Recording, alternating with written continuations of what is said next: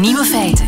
Dag, dit is de Nieuwe Feiten podcast van dinsdag 7 mei 2019. In het nieuws vandaag de forse waarschuwing die Japan kreeg van de Rugby Federatie.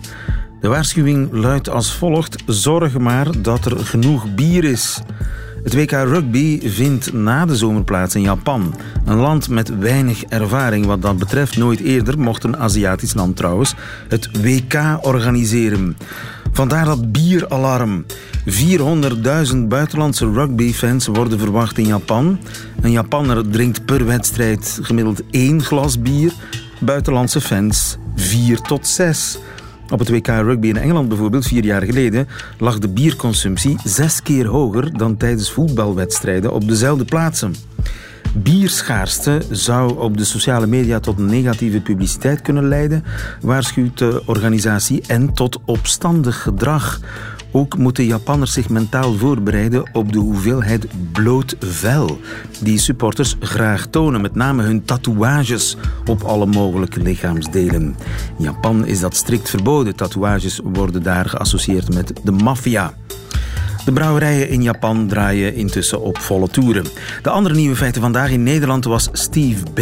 wellicht niet op vrije voeten geweest, maar had hij TBS gekregen.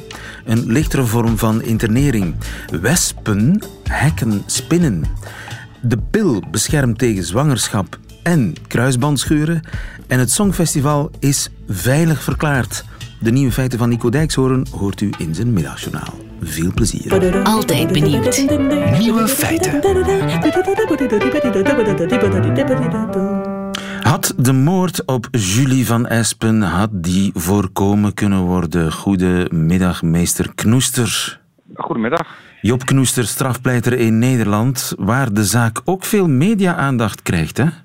Ja, zeker. Zaak heeft veel aandacht in Nederland. Vanaf het begin uh, af aan eigenlijk al. De dader die heeft intussen bekend, Steve B. of Steve B., dertiger, ten tweede male veroordeeld voor verkrachting twee jaar geleden. Toch was hij op vrije voeten, zolang de beroepsprocedure liep. En die liep dus nog, want uh, ik geloof dat het, uh, de uitspraak voorzien was ergens in juni. Beslissing van de rechter dat hij vrij mag intussen. Gebeurt dat in Nederland ook? Ja, nou ja, kijk, uh, ik, in Nederland is erg streng als het gaat om mensen in voorarrest houden. En ik maak me sterk dat als iemand twee keer voor dit soort delicten eerder is veroordeeld, dat de rechter hier zou hebben gezegd, dan is er een risico op herhaling, we houden deze man vast. Maar je weet het natuurlijk nooit helemaal zeker, want aan de andere kant heeft iedere verdachte, totdat hij onherroepelijk is veroordeeld, ook in het nieuwe lopende proces het recht om in vrijheid de rechtelijke beslissing af te wachten. Want ja. uiteindelijk kan het zo zijn dat iemand onschuldig blijkt te zijn. Juist. Wat ik wel heel interessant vind, is dat ik van een collega van u begreep dat behalve deze eerdere veroordelingen er ook verdenkingen zijn dat de dader uh, psychische problematiek kent.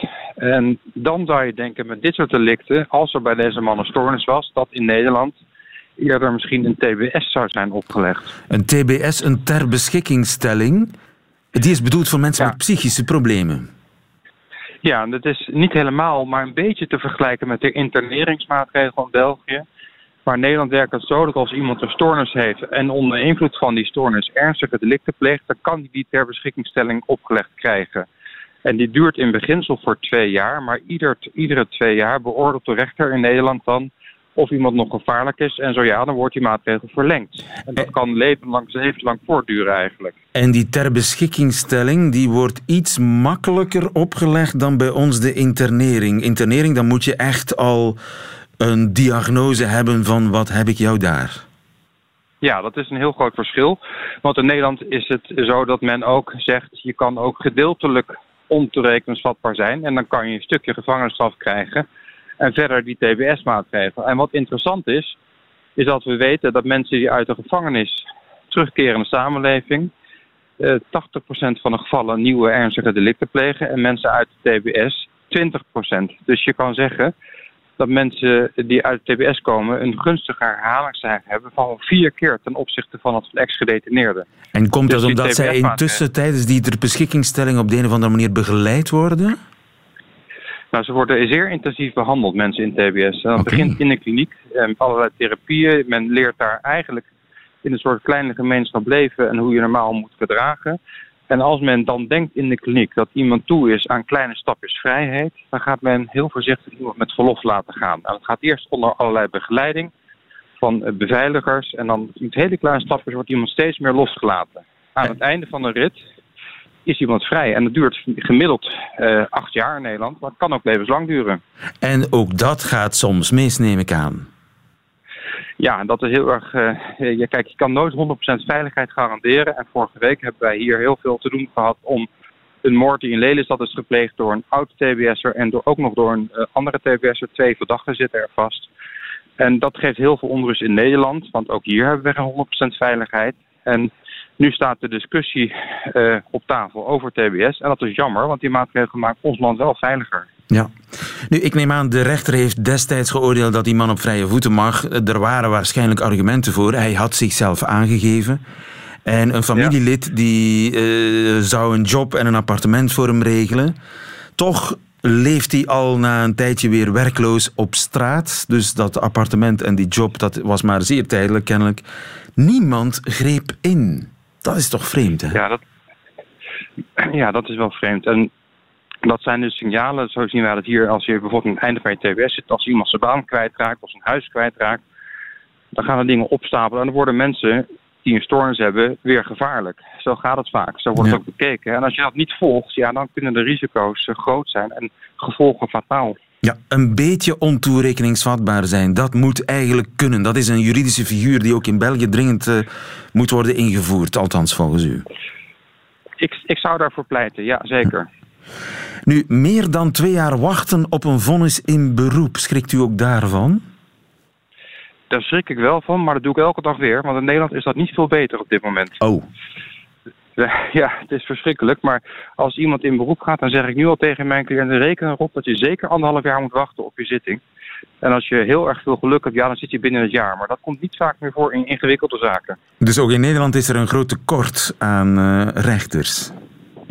Ja, de rechtspraak staat ook in Nederland ernstig onder druk. En de politiek die maakt er onvoldoende werk van. Waarvoor dank voor deze toelichting. Dankjewel Job Knoester, advocaat strafpleiter in Nederland. Goedemiddag. Geen dank. Radio 1. Nieuwe feiten. Is André Vermeulen wel veilig in Israël? Hij is weliswaar aangekomen in Tel Aviv om het Eurovisie Songfestival te verslaan dat daar volgende week plaatsvindt. Maar ja, Tel Aviv is een stad niet zo heel erg ver van de Gazastrook, van waaruit dit weekend een nooit geziene rakettenregen werd afgevuurd. Ankie Regges, goedemiddag. Goedemiddag. Ankie, onze vrouw in Israël en jij woont in Tel Aviv. Heb jij veel van die rakettenregen gemerkt dit weekend? Nee hoor, eigenlijk helemaal niet. En André van Meulen kan ook helemaal gerust blijven zitten in Tel Aviv. Want uh, ja, dat conflict van 48 uur duurde, dat is uh, nu gelukkig voorbij. Voorlopig. En hoe komt dat dat het voorlopig voorbij is? Ja, het hing eigenlijk af van het feit of Hamas wel of niet raketten op, op Tel Aviv zou afvuren. En op het centrum van, van, van Israël. Want hierdoor zouden dan de festiviteiten van de onafhankelijkheidsdag, dat is overmorgen, en het Songfestival afgelast moeten worden. Maar ja, dan waren hier ook alle stoppen doorgebrand en was er ongetwijfeld tot een open oorlog gekomen. En daar had eigenlijk niemand zin in. Ja, maar ze zijn er toe in staat, hè? Om, ze hebben raketten die tot in Tel Aviv kunnen geraken. Want dat is toch makkelijk 80 kilometer van de Gazastrook? Ja, precies. Ja, ze hebben dus tot nu toe alleen maar de raketten afgevuurd tot 40 kilometer. Maar ze hebben inderdaad raketten tot 80 kilometer, tot 120 kilometer. Ook tot Haifa, helemaal in het noorden kunnen ze komen. En dat hebben ze in de afgelopen maand, hebben ze dus twee raketten op Tel Aviv afgevuurd. En dat staat iedereen nog duidelijk bij. Maar dat is gelukkig niet gebeurd. Er is een uh, stop gekomen.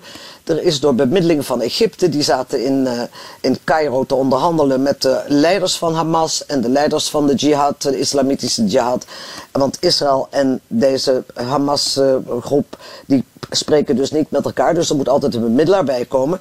En die, hebben, die zijn het gelukt om om de beide partijen terug te houden en te laten, uh, ja, tot een soort staakt het vuren te laten komen. Maar ja, we stellen ons daar niks bij voor, want het is een kwestie van misschien nog enkele weken, misschien enkele maanden tot het uh, vuur weer opleidt. Want het probleem is natuurlijk niet opgelost. Maar uh, Hamas zal toch iets moeten gekregen hebben in ruil voor dat staakt het vuren? Ja, vandaag zei de buitenlandse minister van Qatar, dat is die oliestaat, dat ze bijna een half miljard dollars overmaken naar Gaza. Dat betekent 300 miljoen dollar voor de gezondheid en onderwijs en 180 miljoen nog naar verschillende humanitaire uh, initiatieven van de Verenigde Naties. En dat werd vandaag uh, gezegd. En ja, daar kunnen ze niet zomaar nee tegen zeggen. En dat was wel een van de belangrijkste dingen waardoor de gevechten opgehouden zijn. Um, dus je kunt stellen dat Qatar betaald heeft voor de veiligheid tijdens het Songfestival. Eh, zo zou je het eigenlijk kunnen zeggen, ja. Want maar ja, Qatar die geeft dus iedere maand geven ze eerst 30 miljoen dollar. Nu geven ze al 60 miljoen dollar. En die laatste 30 miljoen dollar die waren deze maand nog niet doorgekomen. En Hamas die beschuldigde Israël ervan dat zij die transfer van dat geld tegenhielden. Maar ja, Israël heeft daar verder niks mee te maken. Want dat wordt gedaan door de Verenigde Naties. En dat noemden ze ook als een van de redenen waarom ze dus die 700 raketten op Israël hebben afgestuurd. Um, inmiddels um, is het Ramadan natuurlijk. En zeker in, uh, in de Gazastrook. De mensen hebben er niks. Armoed, troef. En tenminste krijgen ze nu geld om die maand dus op een bepaalde manier door te komen. Dat er in ieder geval voedsel is. En dat de mensen een beetje kunnen, uh, ja, ook de maand Ramadan kunnen vieren. Dus en zou je kunnen zeggen dat die onafhankelijkheidsviering heel belangrijk feest in Israël en dat Songfestival ook heel belangrijk voor Israël, dat dat op dit moment laten we zeggen, een zwakke plek was in Israël. En daarom dit weekend die rakettenregen. Ja, kijk, want in Gaza hebben ze niks te verliezen. Ze hebben echt helemaal niks te verliezen. Maar Israël had op dit moment een heleboel te verliezen. Zowel dus de festiviteiten van Onafhankelijkheidsdag en zeker het Songfestival, waar al meer dan een jaar aan gewerkt is, waar dus al een, eh, de, helft van alle delegaties al aangekomen zijn, waar alle voorbereidingen zijn gemaakt. En er was een enorme zenuwachtigheid in, bij de organisatoren. Dat zeiden ze niet tijdens deze, dit conflict, want ze zeiden nee, dat zal wel meevallen. En ze probeerden iedereen te sussen. Maar nu het conflict dus voorbij is, voorlopig, kunnen ze toegeven dat ze echt heel erg in hun rats hebben gezeten. Of dat het wel of niet zou doorgaan. Want dat zou natuurlijk een enorme uh, misser zijn geweest voor Israël als, dat, als ze dat hadden moeten aflasten. Maar dat geweld dat zal wel terugkeren. Het geweld keert ongetwijfeld terug, want er is nog geen oplossing voor, voor de Gazastrook. Er is nog niks. En Israël die heeft, eh, gisteren zei Netanyahu nog, de premier van Israël, dat de campagne tegen Hamas en de Israëlische jihad in, in Gaza helemaal niet voorbij is. Net zolang tot er, hij zei, tot er rust en veiligheid is voor de burgers in het zuiden van Israël.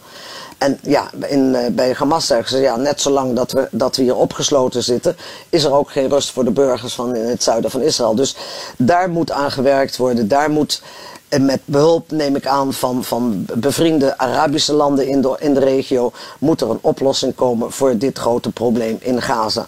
En uh, natuurlijk ook een heel groot probleem voor de burgers van Israël, die daar uh, ja, dagenlang in de schuilkelders hebben gezeten. En hun hele leven was ontwricht. Want er waren geen bussen, er waren geen treinen, er waren geen scholen, er was helemaal niks. En dit kan, kan je natuurlijk niet lang volhouden. En dan hebben we het nog niet eens over alle materiële schade, over de vier burgers die omgekomen zijn in twee dagen. Kijk, als je het vergelijkt met het vorige conflict in 2014, dat was een conflict van bijna twee maanden duurde. Daar zijn in het, in, al, in het geheel zijn daar vijf Israëliërs omgekomen. En nu in twee dagen vier. En dat hakt erin hier in Israël. Dat is ontzettend belangrijk. En eh, nou ja, goed. Dus het is. Iedereen die heeft, haalt opgelucht adem. Eindelijk, uh, zowel in Israël als ook in, in, in de Gazastrook. En hopen dat het nog lang duurt voordat het weer een ronde van conflict wordt. Ja, het uh, Songfestival kan in elk geval uh, doorgaan. En dat is ja. uiteraard een opluchting. Israël won dat ooit dat Songfestival ergens in de jaren 70 met dit vredelievend nummer. Dag Ankie. Dankjewel. Halleluja.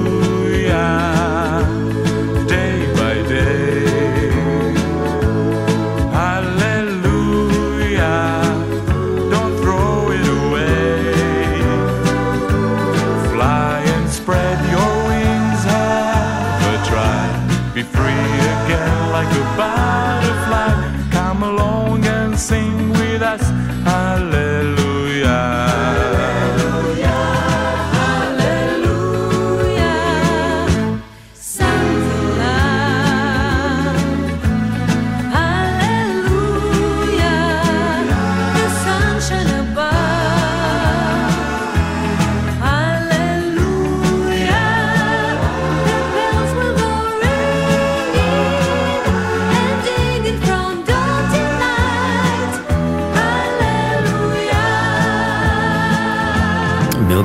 40 jaar geleden wonnen zij het Eurovisie Songfestival met Halleluja. Ja, voor Israël. En het was het tweede, het tweede jaar op rij, want het jaar daarvoor was het eh, ook Israël die won met Abanibi Abanobei. Of iets van die strekking. Eh, Dana International is natuurlijk ook een eh, laureate van datzelfde Songfestival voor datzelfde land.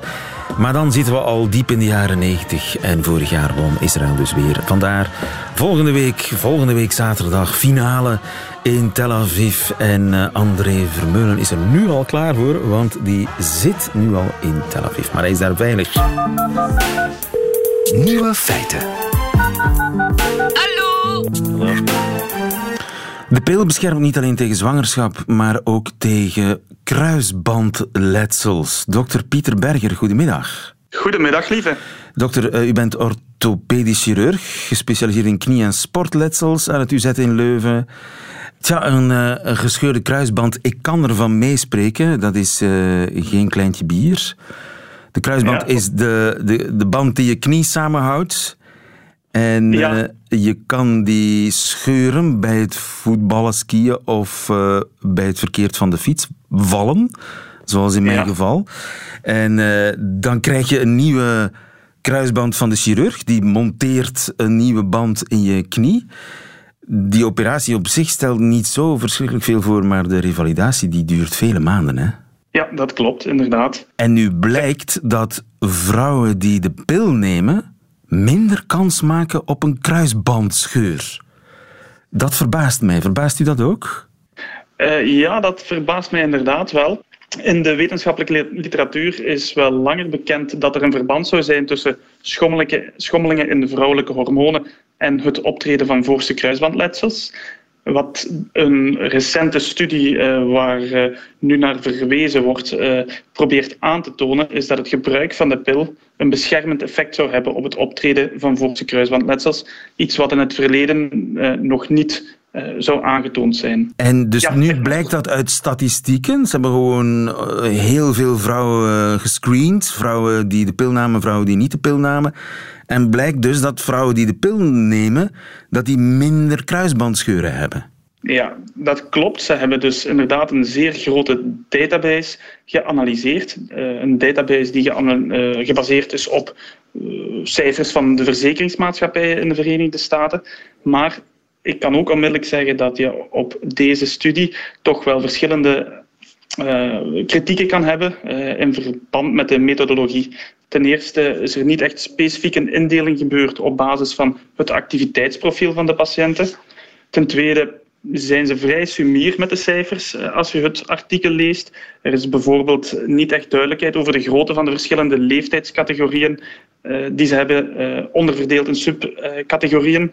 En men kijkt ten laatste ook alleen naar de voorste kruisbandreconstructies. Maar eh, een beetje in tegenstelling tot wat je in de eh, introductie hebt gezegd, kan een voorste kruisbandletsel ook behandeld worden zonder optische eep. En dat in functie van de leeftijd, activiteitsniveau van de patiënt of eh, het al dan niet aanwezig zijn van instabiliteitsklachten. Ja, dus er valt wat eh, te zeggen over de methodiek van die studie. Maar Ja, toch, maar- dat er een beschermend effect is van de pil op de kruisbanden van de vrouw, dat kan wel. Ja, dus eh, daar denken we al langere tijd aan. Dat is in het verleden ook al geopperd. En dat zou inderdaad zijn omdat eh, het vrouwelijk hormoon oestrogeen een invloed heeft op de sterkte van het ligament en eventueel ook op de spiercontrole. En aangezien dat je gedurende de menstruele cyclus verschillende schommelingen hebt eh, in het oestrogeengehalte of de oestrogeenconcentratie, zal je op bepaalde momenten in deze cyclus dus een eh, hogere concentratie hebben en dan inderdaad meer risico op een eh, kruisbandletsel wat de pil nu doet, is eigenlijk ervoor zorgen dat eh, deze hormonale eh, spiegels dat die eigenlijk toch meer stabiel blijven, waardoor dat je inderdaad eh, minder invloed zou hebben op de sterkte van het ligament. Maar dat is hypothetisch, dat is iets wat inderdaad nog niet bewezen is en wat deze laatste studie dus ook zeker niet met 100% zekerheid kan aantonen. Maar dat betekent eigenlijk dat mannen sowieso sterkere kruisbanden hebben. Of trek ik daar Dat- verkeerde conclusies uit? Dat is misschien kort door de bocht. Ehm, het klopt wel dat vrouwen, eh, als je kijkt naar vrouwelijke atleten, dat die door de band een hoger risico hebben op voorste kruisbandletsels. Maar daar zijn verschillende verklaringen voor. De hormonale verklaring is eh, onder andere één van deze verklaringen. Eh, maar ook bijvoorbeeld eh, is er toch een hogere incidentie of een, een verhoogd voorkomen van X-benen bij vrouwen. En zijn er eventueel ook andere discrete anatomische factoren die daarin kunnen meespelen. Is het nu een reden om de pil te nemen? Ik denk het niet. Eh, wat betreft de vrouw eh, moet je dat niet speciaal eh, gaan aanraden. En wat de man betreft zou ik zeker niet gaan aanraden om onmiddellijk de pil te gaan nemen. Want wat gebeurt er als een man de pil neemt? Wel, ehm, het gebruik van vrouwelijke hormonen zal sowieso invloed gaan hebben op uw testosteronspiegel. Wat dan kan zorgen voor onder andere erectiele dysfunctie, onvruchtbaarheid. Er gaat daarnaast ook nog secundaire vrouwelijke geslachtskenmerken gaan ontwikkelen, zoals gynecomastie, borstvorming. Dat zijn zaken. Ja, nee, oké. Dank u, dokter. Het is mij duidelijk dat eh, de pil voor de man in elk geval geen eh soelaas biedt. eh, en zeker niet de kruisbanden zal verstevigen. En voor de vrouw is het eventueel een eh, gewenst neveneffect, maar ook niet meer dan dat. Dankjewel, inderdaad. dokter Berger in Leuven voor ons. Goedemiddag. Graag gedaan, lieve. Prettige dag verder. Nieuwe feiten. Niet alleen mensen hacken, ook dieren doen het. Meer bepaald wespen. Rudy Joquet, goedemiddag. Ja, goedemiddag. Dag lieve. U bent eh, arachnoloog, spinnenkundige of spinnenkenner van het Museum voor Midden-Afrika in Tervuren. Ja, dat En klopt. Het zijn collega's van u in Amerika die onderzoek hebben gedaan waaruit blijkt dat wespen hacken. En ze hacken spinnen. Dat vind Ja, ik dat is eigenlijk niet zo uitzonderlijk hoor. Eh, zombie-spinnen en zombie-insecten komen wel meer voor. Dat zijn dus eh, insecten of spinnen die door een eh, parasiet tot zombies worden herleid. Ze worden Dus gezombificeerd door parasieten. Ja, zo mag u het noemen.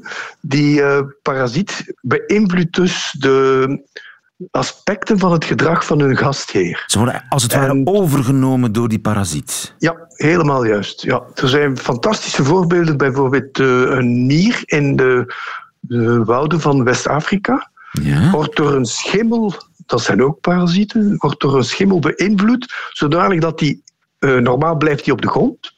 Maar deze mier, eens ze aangevallen is door die schimmel, kruipt ze in de vegetatie omhoog, bijt zich vast in een of ander blad en sterft daar. En die eh, schimmel ontwikkelt zich verder en vormt dan een steeltje met daarop een bolletje waarin dat de sporen zitten. En het voordeel voor die, eh, voor die schimmel is dat dat bolletje erg hoog in de vegetatie zit, zodat de sporen zich gemakkelijker kunnen verspreiden. Dus die schimmel heeft die mier gebruikt als lift eigenlijk. Als ladder. Eigenlijk wel, ja. Niet te Ja. geloven. Zowel als voedsel of als eh, eh, template om, om haar eh, sporen te verspreiden. En hoe gaat dat met die wespen en die spinnen? Wel, dat is iets analoog. Dus die wesp, die steekt die spin eerst even en die is dan verdoofd gedurende een paar uur. Ja.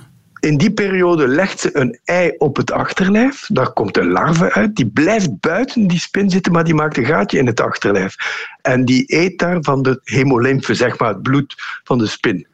Die larven. En tijd, ja. En die spin blijft normaal doorleven, die eet, maar die krijgt dus altijd die, eh, die eh, larve op haar achterlijf, maar op het einde van die cyclus, als die eh, larve klaar is om te verpoppen, dan injecteert ze een hoeveelheid stoffen waarvan we tot nu toe niet wisten wat het was, in het lichaam van die spin en haar gedrag verandert. En bijvoorbeeld eh, in de Kanthoutse heide zitten bijvoorbeeld eh, zogenaamde visgraatjes. Dat zijn spinnen met een, eh, een visgraatpatroon op het achterlijf, maar die Ja. worden ook soms aangevallen door die parasieten. Ja. En als die klaar is om te verpoppen, dus die parasiet, dan zorgt ze ervoor dat die spin een winterwebje maakt. Dat is een heel ander type web dan eh, het normale vangweb. En dat dient om die spin te laten overleven tijdens de winter. Dat is een dicht gewoven webje dat bestand is tegen weer en wind. En ideaal voor die eh, wesp om haar kokon in onder te brengen. Dus op het laatste deel van haar leven als larve maakt ze, zorgt ze ervoor dat die spin dat speciale web maakt. Ze eet de spin dan op en gebruikt het laatste product van die spin als onderkomen om haar eigen pop in onder te brengen. Wat een slecht karakter, zeg. Ja, het is heel, Niet heel te erg. geloven. Dus je, je, je neemt een spin over, je spuit daar een soort wonderdrank in, die Ja. ervoor zorgt dat die spin een op maat gemaakt huisje voor jou spint. En als ze daarmee klaar is, eet je als dank Ja. de spin op. Inderdaad. En Nou. dat is nu nieuw aan dit onderzoek, is dat men voor de eerste keer een hypothese heeft van wat wordt daar nu eigenlijk ingespoten. Juist, ja. En het ziet er naar uit dat het vervellingshormoon is. En dankbaar zijn daarvoor spinnen, omdat eh, zij produceren verschillende types webben. En men weet bijvoorbeeld dat er een vervellingsweb is dat geproduceerd wordt onder invloed van vervellingshormoon. ja. En men neemt nu aan dat die eh, wesp het vervellingshormoon in die spin spuit. Dus het En hormoon als wapen eigenlijk. Juist, ja. Nu, Heel precies weten we het nog niet, want ze hebben eh, de stof zelf niet geanalyseerd, maar wel de verschillende types van webben die zo'n spin kan maken. En ze hebben eh, ontdekt dus dat die, die web het vervellingswebje eh, induceert, zal ik maar zeggen. Ja, ik bedoel, daar kan de Russische geheime dienst nog van leren, hè? Ja, Dat is toch ongelooflijk? Ja, ja, ja. Maar het is dus eigenlijk niet zo zeldzaam als men op het eerste zicht zou denken. Ja, Dus, voor eh, kenners zoals u is het eigenlijk niet zo verbazingwekkend dat de natuur zo ja, subtiel eh, in elkaar zit. Dat klopt. Ja. En zo Dus, eh, perfiet eigenlijk zelfs. Ja, het is, het is, ja, het is eigenlijk zeer geraffineerd dat ze te werk gaan. De insecten, geraffineerde beestjes. Dankjewel, Rudy Jockey. Goedemiddag. Graag gedaan. Goedemiddag. Radio 1. De nieuwe feiten nu van eh, 7 mei van Nico Dijkshoorn. Nieuwe feiten. Middagjournaal. Beste luisteraars, gisteren merkte ik maar weer eens dat wij gewend zijn onze zin te krijgen. Dat kan om grote dingen gaan, bijvoorbeeld dat je je moeder hebt beloofd dat ze naast Pablo Picasso zal worden begraven. Je belooft zoiets, je moeder sterft, je gaat aan de gang. En dan blijkt dat helemaal niet te kunnen. Gewone mensen, die mogen helemaal niet naast een kunstschilder liggen. En dat is dan een teleurstelling. Als je je moeder dan in godsnaam maar begraaft naast iemand die in de vleesverwerkende industrie werkte. Dat is vervelend. Je wilt iets leuks doen.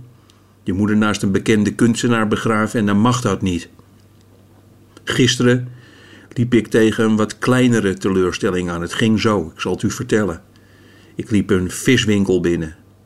Niet met hengels, maar het was een viswinkel waar de vis al is gevangen en daarna rauw of gebakken wordt verkocht. Ik had zin in een gebakken bokking. Ik weet niet of dat in uw land ook wordt verkocht. Een gebakken bokking, dat is een gefrituurde haring. En daar had ik zin in. Ik heb mijn vader ooit een gebakken bokking van een krant zien eten en dat was heel mooi. De vis in het midden van de krant en dan de vetvlek die zich heel langzaam naar de rand van het papier vrat. Ik stond in de viswinkel en ik zei: één gebakken bokking graag. De visverkoopster, het was een vrouw met heel leuk haar, die zei nee. Ik trok me daar niets van aan. Ik zei het nog een keer. Ik zei: Mag ik van u één gebakken bokking? Nee, zei ze nog een keer. Daarna wachtte ik op uitleg, maar die kwam niet. Daarom vroeg ik zelf maar naar de reden van haar weigering. Ze zei tegen me: Dat vind ik geen vis voor u. U bent meer een man die de onderkant van een school eet.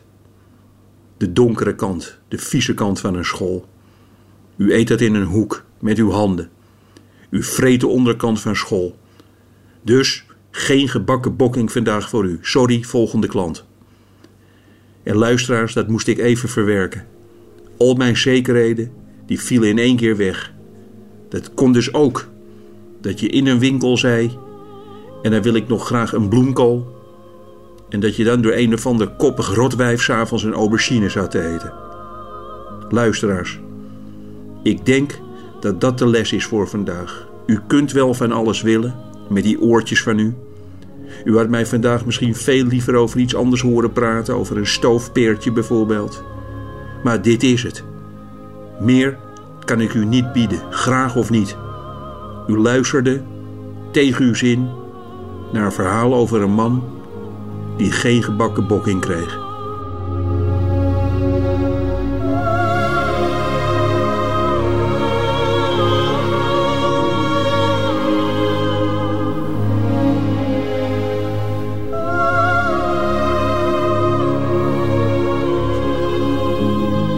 Nico Dijkshoorn in het Middagsjournaal. Einde van deze podcast, maar u vindt er nog veel meer op radio1.be en op de podcastkanalen. Tot volgende keer.